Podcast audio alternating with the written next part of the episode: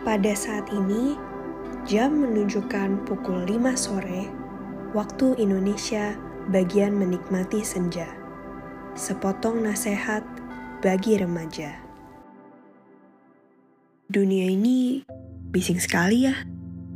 Kayak seakan-akan ada ratusan mulut di sekitar pikiranmu, ada yang berbisik pelan, ada juga yang berteriak lantang. Kayak, Hey, kamu udah ngapain aja selama ini? Masih belum cukup? Udah kerja ini belum? Itu udah selesai belum? Kok umur segini belum menghasilkan apa-apa sih? Gak seberapa dibanding dia deh. Kamu kurang layak. layak. Ya, begitulah. Apalagi di masa sekarang ini, semua orang berlomba-lomba. Siapa yang paling kaya, siapa yang paling sibuk, siapa yang paling keren, siapa yang paling terkenal. Seakan-akan makna hidup kita dan nilai kita sebagai manusia itu diukur oleh itu semua. Kita tenggelam di antara lautan ekspektasi yang maya dan fana. Dan terkadang, kita berusaha mencapai itu semua. Sampai kita kalut, kecewa, dan lupa diri kita sendiri. Sampai kita tidak mengenal diri kita sendiri.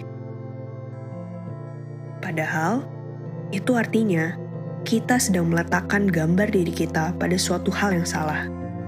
Identitas kita tidak seharusnya bergantung pada prestasi kita ataupun kegagalan kita. Sebab Tuhan menciptakan kita unik. Aku, kamu, dia, kita semua berbeda. Ia adalah pribadi yang paling mengenalmu secara spesifik, dengan segala kelebihan dan kekuranganmu. Bahkan, ia yang memberikan tujuan hidupmu. Di mana pun dirimu berada, tenanglah. Fase hidup apa pun yang kau jalani, percayalah bahwa Tuhan tetap melihatmu sebagai gambar dan rupanya yang sempurna. Ia mengasihimu dan kau berharga di matanya. Seperti Daud di Mazmur 139 ayat ke-14 yang berkata, Aku bersyukur kepadamu oleh karena kejadianku dahsyat dan ajaib. Ajaib apa yang kau buat, dan jiwaku benar-benar menyadarinya. Terus maju berjalan bersamanya. Di saat dirimu merasa kalut, tenggelam, atau hilang di antara kerumunan ekspektasi manusia, redamkan pikiranmu dan ketahuilah bahwa Tuhan ada di dalam dirimu. Tuhan melihatmu menerima dirimu apa adanya, dan ia mengetahui segala kebutuhanmu. Tuhan yang mengetahui awal dan akhir hidup kita saja sabar terhadap diri kita sendiri. Siapa kita tidak sabar terhadap proses pencarian jati diri kita? Sebab seperti tertulis di Yesaya 45 ayat 3b. Akulah Tuhan, Allah Israel yang memanggil engkau dengan namamu. Demikian firman Tuhan.